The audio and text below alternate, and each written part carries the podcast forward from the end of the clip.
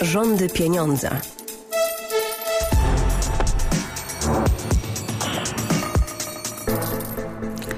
Dzień dobry Państwu, Anna Grabowska. Zapraszam na Rządy Pieniądza w Polskim Radiu 24. Dzisiaj naszym gościem jest profesor Krzysztof Górski, sekretarz generalny Akademii Kopernikańskiej. Dzień dobry panie profesorze. Dzień dobry pani, dzień dobry państwu. E, poruszamy temat, który jest tematem, wydaje się, e, przyszłościowym. Przyszłościowym także dla naszej gospodarki, przyszłościowym dla e, powiedziałabym, tak myślę, zaraz pan profesor tutaj na pewno to doskonale wyjaśni, dla młodych polskich przedsiębiorców i młodych polskich e, naukowców. Jedno z drugim powinno iść w jak największej parze. E, tak do końca nie jest to e, w Polsce najlepiej. Zaraz powiem jedną rzecz, która mi się bardzo spodobała, mm, kiedy podczas e, konferencji e, zorganizowanej na temat, tak będę to nazywała najprościej, najkrócej, kosmosu, jego przyszłości i naszej tam obecności, czy też obecności naszych technologii, może bardziej tak, w Narodowym Banku Polskim e, padło takie stwierdzenie, że e, mamy doświadczenie w kosmosie 500-letnie. E, no jak sobie tak uzmysłowimy i pomyślimy o tym, to rzeczywiście tak jest. Ten Kopernik jednak był Polakiem, jakby go tam inaczej nie e, odmieniano i jeszcze później następni też e, tutaj mieli swoje zasługi. Niemniej nie jesteśmy tak kojarzeni chyba na świecie jako, to trochę niedobrze oczywiście, mamy co nadrabiać, jako ci, którzy tutaj są pierwszymi w szeregu tych, którzy podbijają kosmos. Przynajmniej my sami też chyba nie mamy takiego poczucia, panie profesorze? No tak, rozbawiła mnie pani Kopernikiem. Y, rzeczywiście 500 lat, y, nazwijmy to, obecności w kosmosie jest niekwestionowane. Y, mamy duży brand name w związku z tym i powinniśmy odpowiednio do tego się zachowywać. Ja reprezentuję interesy, może zbyt szumnie to powiedziałem, ale tak, tak to przynajmniej widzę, yy, środowiska astronomicznego.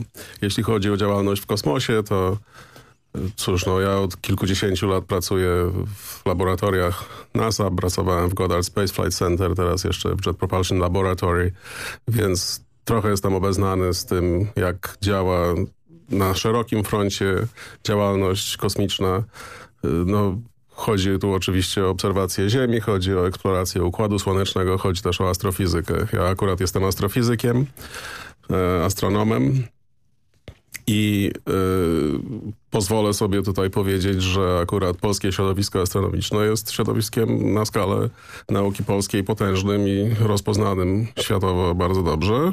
A to, co mnie interesuje w szczególności w kontekście spraw kosmicznych i zaangażowania w to Polski jako kraju, no to jest wprowadzenie nas na wyższy poziom myślenia o tym, jak to robić w zorganizowany sposób międzynarodowo, na własną e, własnymi metodami, żeby zaangażować się właśnie naukowo w kosmosie. No dobrze, to panie profesorze, ja to jakby powiedziałam absolutnie celowo, mając na myśli e, kwestia, jeżeli mówimy o tej kwestii, jak to nazwać, rozpoznawalności, popularności, tematyki jako takiej, no bo osoby, które w tym pracują, to jest oczywiste, mając na myśli taki bardzo, y, no że tak powiem, odbiór y, popularny, odbiór powszechny, tak? Bo że środowisko y, zna się i wie o sobie dużo, nawet szerzej pojęte. To jest oczywiste, natomiast mówię o takim szerokim odbiorze e, społecznym.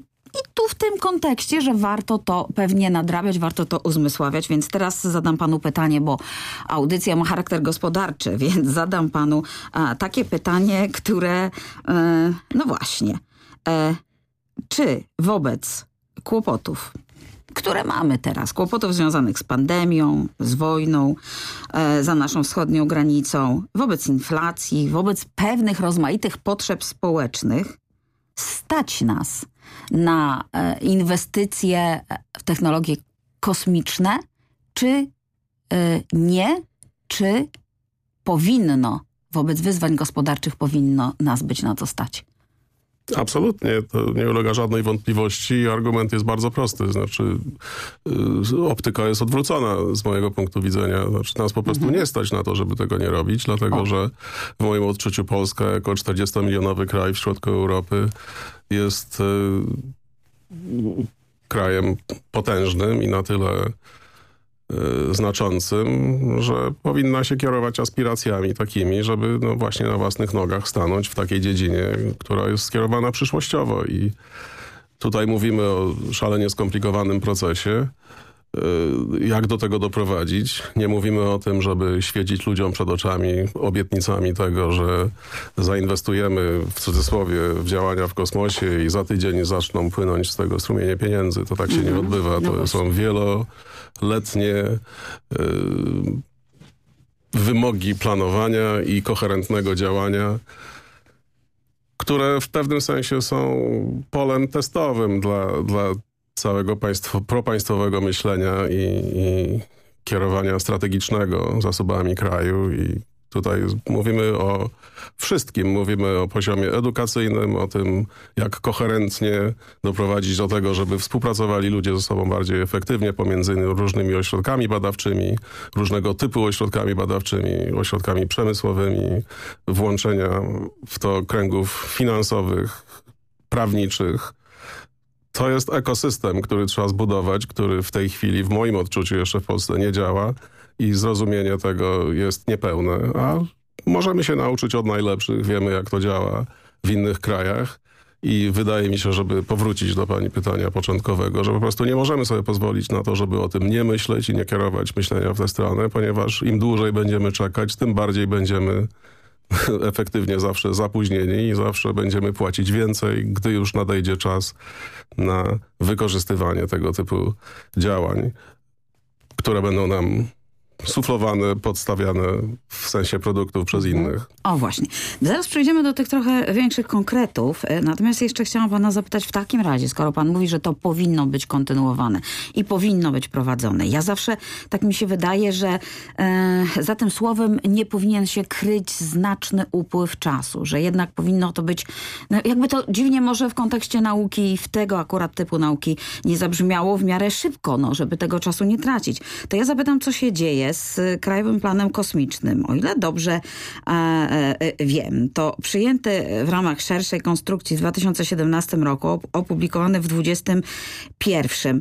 E, co się z nim dzieje czy ten plan pana zdaniem wobec też wszystkiego, co się wokół dzieje, e, będzie kontynuowany i rozwijany? Wierzy pan w to, że akurat na to się pieniądze będą znajdowały? No i co się z nim dzieje? Nie, no to na to pytanie nie potrafię odpowiedzieć, bo ja nie jestem ani politykiem, ani decydentem w takich sprawach. Ja mogę tylko dzielić się informacjami na, na, temat tego, co wiem, co widziałem, co przeżyłem osobiście i co wydaje mi się, że rozumiem trochę, jak to działa, więc y, tego typu doświadczeniami się dzielę i y, no i tyle. Także mam nadzieję, że koherentny... A na jakim etapie jest ten, ten, ten, ten plan w takim razie? No bo tu mówi 17 rok, 21, konsultacje, publikacja.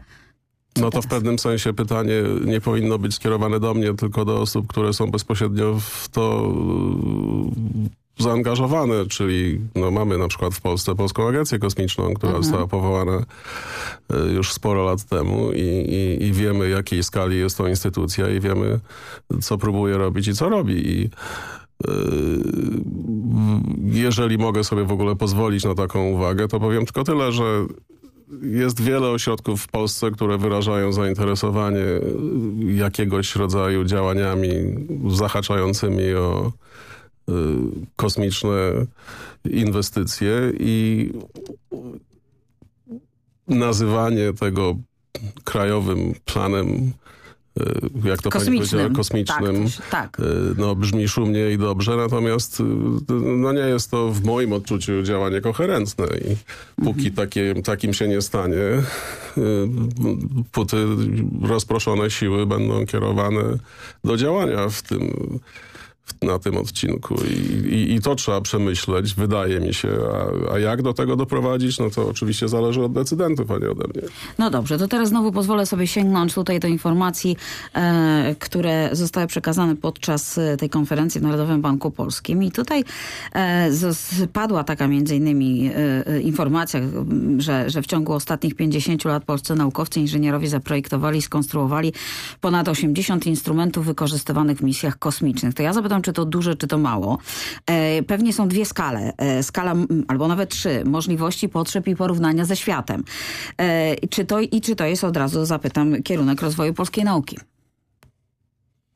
A pan odpowie tak. Ja to pochodzę z pokolenia, które uczone było już w szkole średniej na hasłach y, zaczerpniętych z romantycznej poezji, czyli mierzmy siły na zamiary, nie zamiary podług sił.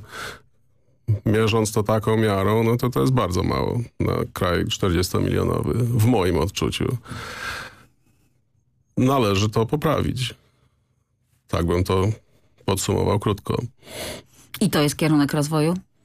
No powinien nauki? być w moim odczuciu, dlatego że no cóż, no to reprezentuje profesjonalny y, bias, jak to się mówi, ponieważ akurat w tej dziedzinie od kilkudziesięciu lat pracuję, więc widzę od, od, od strony kuchni, y, jak to wygląda. Rozumiem, że problem jest bardzo trudny, rozumiem, że problem jest wręcz kolosalny w sensie konfrontacji z ilością problemów, które rozwiązywać trzeba codziennie w kraju o rozmiarze i o lokalizacji Polski akurat w epoce historycznej, w której się znajdujemy. Natomiast powrócę tylko do prostej obserwacji. No, wydaje mi się, że nie możemy sobie pozwolić na to, żeby odkładać to na później ponieważ wszystkie wiodące kraje angażują się w tego typu działalność. Wiadomo, że korzyści można czerpać z tego znaczące, a im więcej ma się własnych środków uruchomionych i ludzi zaangażowanych w to, żeby własnymi metodami realizować tego typu przedsięwzięcia, tym szybciej pojawią się profity i te profity będą znaczące. No właśnie, zaraz też przejdziemy do tych profitów, bo to gospodarka, ale ja zapytam na razie, czy przydałby się nam własny satelita komunikacyjny i kiedy mamy na to szansę? No absolutnie, no bo, bo jak się ma własnego, to nie trzeba płacić komuś innemu za używanie jego. No, to jest bardzo proste. To, to jest ekonomia na, na poziomie najprostszym. Tak, ale kiedy mamy na to szansę? I czy mamy?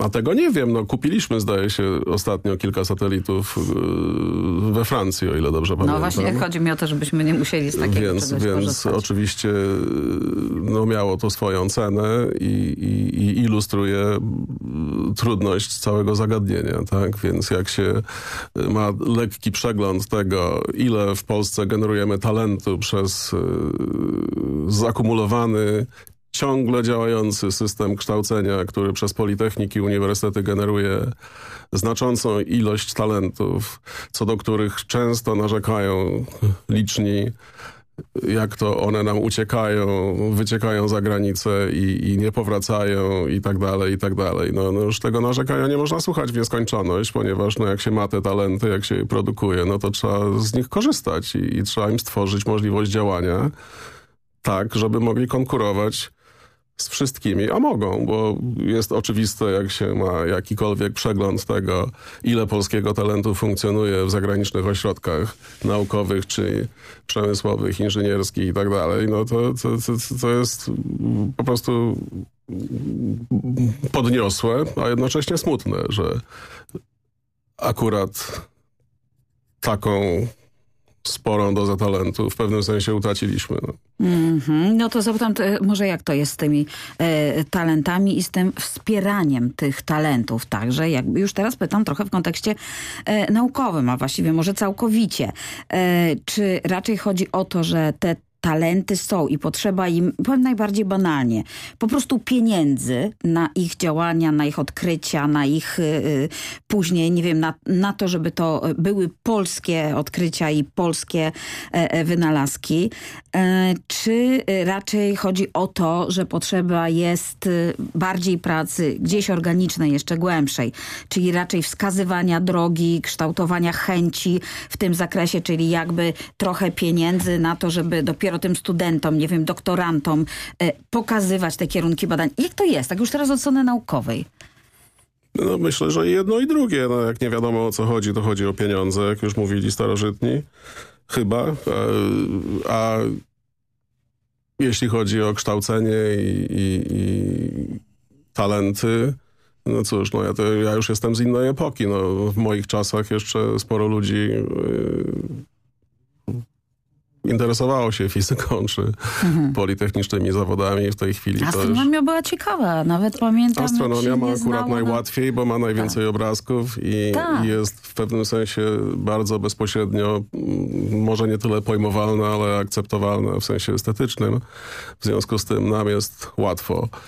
E, no ale to jest poziom popularnej astronomii mhm. i Wydaje się, że znaczy to nie jest problem Polski, tylko myślę, że jest ogólny poziom zrozumienia tego, na czym polega w ogóle współczesna nauka, jaki jest poziom trudności w egzekucji codziennej, profesjonalnej tego typu zawodów. No, jest dosyć umiarkowany i, i, i, tutaj też jest dużo do zrobienia, w sensie prymitywnie mówiąc popularyzacja mhm. tak naprawdę zachęcania ludzi, żeby akurat tym się zajmować. No, a, a to zachęcanie oczywiście jest tym łatwiejsze, im więcej e, profitu ktoś widzi w końcu swojej drogi, którą gdzieś tam sobie wybiera w życiu. Prawda? Tylko, że to już bliżej, bliżej tego ostatecznego wyboru, tego kierunku, a gdzieś tam jeszcze znacznie wcześniej, gdzieś na etapach jeszcze wcześniejszej edukacji, to raczej kwestia pewnego jej poziomu, prawda? Pewnych e, takich zachęt. E, ja powiem banalnie, no, na poziomie szkoły podstawowej nawet, bo to jeżeli tutaj to się nie stanie, to potem dalej też się nie stanie. To już tego się nie nadrobi zwykle. To jest niestety e, e, smutne w naszym przypadku, jeżeli chodzi w, ogóle o takie przedmioty tak zwane ścisłe, a tutaj do tego absolutnie, to gdzieś zaliczymy. Absolutnie. To, to, to tak jest. Musz, to, to, wymagałoby odrębnej, długiej tak, rozmowy, tak, jak tak. profilować system edukacyjny tak, i na co akcent kłaść, prawda? Więc... Tak, ale my wróćmy do naszego jakby tematu. 2022 rok i utworzenie w Polsce inkubatora kosmicznej przedsiębiorczości. No właśnie, to zacieśnienie z ESą współpracy i ja tutaj mam pytanie, czy to e, zadanie takie, no bo rozumiem, że zadanie jest oczywiste, ułatwienia e, pewnego startu firmom kosmicznym firmom, tym się zajmującym, e, e, ma miejsce, czy to się rzeczywiście realizuje, e, no bo tak, wsparcie ze strony SL, wsparcie też ze strony finansowej, już teraz o tym mówimy bardzo, ze strony środków krajowych, czy też środkami krajowymi dla młodych przedsiębiorców z tej branży. Czy jest w ogóle zainteresowanie, bo my zawsze się cieszymy, jak zainteresowanie przerasta oczekiwanie, to byśmy się pewnie cieszyli, ale jak to wygląda? No, no, powinno być, dlatego że trzeba zrozumieć na fundamentalnym poziomie. To jest trochę tak jak z Unią Europejską. Yy, można emablować ludzi stwierdzeniami, że do jakiegokolwiek kraju, w szczególności Polski, będą płynęły pieniądze z Unii Europejskiej, bo tam siedzi masa bardzo e, dobrych ludzi, którzy o niczym innym nie marzą, żeby tylko pieniądze rozdawać. Naprawdę to jest pralnia pieniędzy, do której się wkłada swoje pieniądze i, i tak samo działa Unia Europejska i tak samo działa ISA. Polska dotychczas była beneficjentem e, przepływu środków z Unii Europejskiej, ale jak rozumiem w ciągu już jednego roku zdaje się będziemy netto płatnikiem, więc może się zmieni perspektywa tego. A chciałam właśnie powiedzieć, że do tej pory by, byliśmy tym beneficjentem już od pewnego czasu, a tutaj już pan ten optymizm rozumiem tłumi raczej. No nie, no ja nie tłumię, tylko mówię to, co czytam. No to jest no oczywiste no przecież, bo to, to, tutaj liczby nie kłamią i, i wystarczy przyjrzeć się temu, jak to funkcjonuje praktycznie w sensie też emocjonalnym przełożenia tak. na to, jak jak ludzie na to wszystko patrzą w takim kraju jak Holandia czy Niemcy, gdzie świadomość tego, że się dopłaca do Unii Europejskiej i rozdaje te pieniądze komuś innemu jednak nie pomaga psychicznie. Ale to tutaj w przełożeniu ale... na tę naszą dziedzinę również tak samo to y, może wyglądać. No ale wracając, może, może już, żeby nie koncentrować się na tak. Unii Europejskiej. Jeśli chodzi o Europejską Agencję Kosmiczną, no Właśnie. to Polska jest członkiem. Polska ustawowo płaci wkład do, do wspólnej kasy Unii, y, Europejskiej Agencji Kosmicznej. Przecież cała Operacja polega na tym, że każdy kraj, który robi to tak jak Polska, na różnym poziomie, bo ten wkład jest proporcjonalny do każdego indywidualnego PKB, potem robi wszystko absolutnie możliwe, żeby każdego dolara, euro, złotówkę z tego, co włożył do ISA wyciągnąć z powrotem w sensie inwestycji we własne firmy, które będą do ISA dostarczać komponenty czy większe rzeczy. No to o nic A czy nie jest tak, że od dwóch lat właśnie dostajemy więcej niż... Yy... Z ISA? Tak to tego nie wiem. To jeżeli tak no, jest, to bardzo dane, bym się tak. cieszył. To bardzo by było dobrze. Natomiast y, problem... Y, problem jest jeszcze innej natury. Chodzi o jakość tego, co się y, wymienia z taką agencją jak ISA. Tak? No, trzeba się zastanowić, jak uczestniczyć w tego typu dużych projektach. Projekty kosmiczne z natury też są skomplikowane, wymagają współpracy znaczy bardzo wielkiej liczby podmiotów i ludzi i, i koherencja tej współpracy, management tego wszystkiego jest problemem skomplikowanym. To, co się dostarcza w wymianie pieniężnej, no, oczywiście jest kalibrowane przez poziom komplikacji tego, co się wytwarza. Oczywiście szacunek związany z tym, że w cudzysłowie powiem, wytworzyło się znakomitej jakości śrubki, które się do czegoś przykręca w porównaniu z tym, że zbudowało się całego satelitę, czy chociażby jego Jasne. połowę, jest drastycznie różny.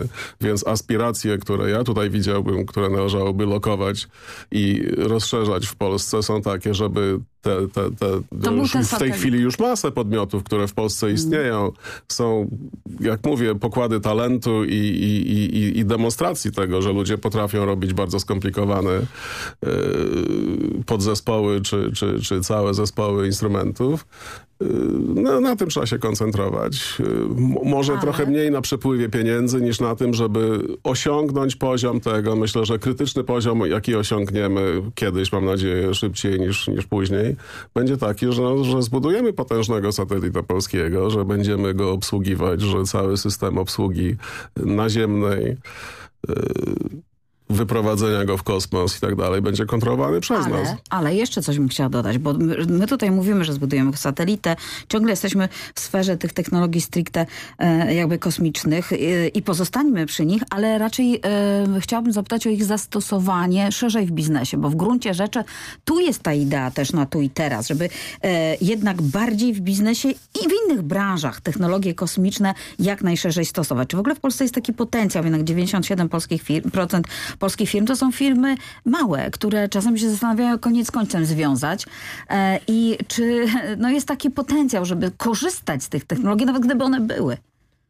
No to wydaje się, że głównymi korzystającymi nie będą prawdopodobnie te firmy, No które będą nie. budować podzespoły, tylko no, trzeba stworzyć e, kulturę i umiejętność używania tego, co w tych danych kosmicznych się znajduje. No to oczywiście próbuje się to robić. Polska Agencja Kosmiczna stworzyła ten portal e, NSIS e, do przeglądu danych z obserwacji Ziemi w szczególności, tak. No, no, powstaje pytanie, kto ma to konsumować.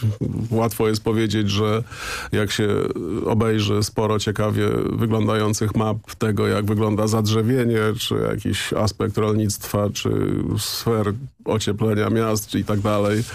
No okej, można sobie to pooglądać i, i, i, i czuć się dobrze, że, że stworzyliśmy tego, tego, tego typu system komputerowy. Inną rzeczą jest wykorzystanie tego w praktyce, w sensie właśnie administracji i, i wspierania procesu decyzyjnego i tak dalej. No to, do tego wszystkiego oczywiście trzeba ludzi. No to definiuje pro, profil wykształcenia, który jest potrzebny, żeby zapewnić siłę żywą, która obsłuży proces używania tego typu danych, a reszta już się potoczy sama, jak Ja sądzę. ciągle niestety myślę, że małe firmy mogą po prostu, właśnie tak jak mówię, nazwałam to ładnie, nie mając potencjału, a mówiąc bardzo prosto, często zainteresowania mogą tego nie wykorzystywać i to smutna w gruncie rzeczy by była konstatacja, ale e, zakończmy pozytywnie, że, że może jednak e, uda się inaczej. Ja dziękuję uprzejmie. E, profesor Krzysztof Górski, sekretarz generalny Akademii Kopernikańskiej był naszym gościem. Dziękuję bardzo Dziękuję Państwu. i do usłyszenia w poniedziałek. Dziękuję.